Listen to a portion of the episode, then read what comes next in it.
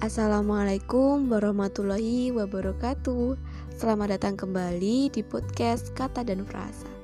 Podcast di mana kita berbicara dari hati ke hati pada setiap kata yang aku ucapkan ini.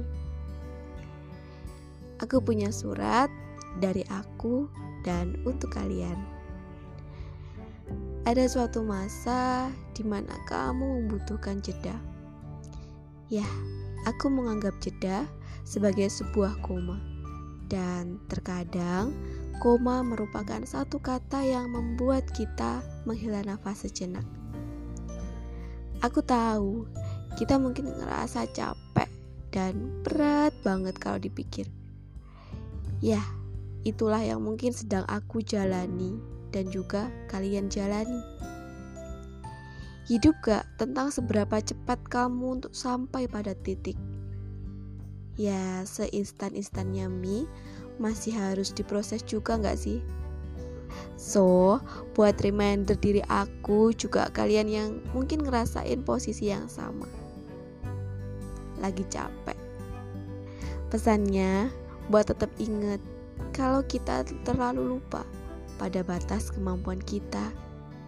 Batas di mana diri kita juga perlu untuk istirahat. Biar kita nggak selalu kepikiran apakah jalan yang kita ambil benar ataukah kita salah belok ya?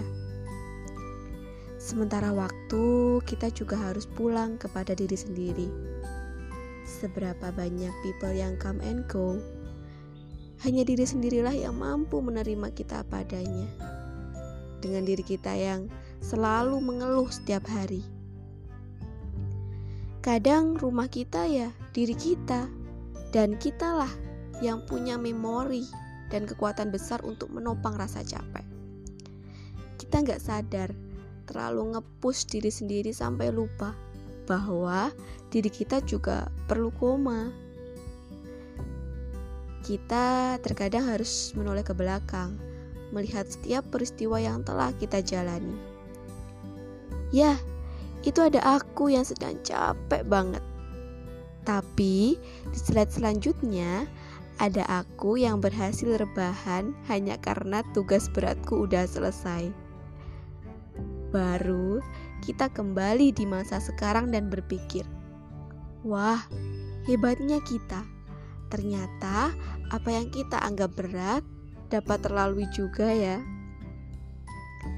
Baru setelah kita pulang, kita melihat rumah-rumah lain yang dekat dengan rumah kita Gak harus selalu tentang pacar kok dan orang lain. Ada satu nih, yaitu keluarga. Ya, mereka yang selalu dekat di mana pun aku berada.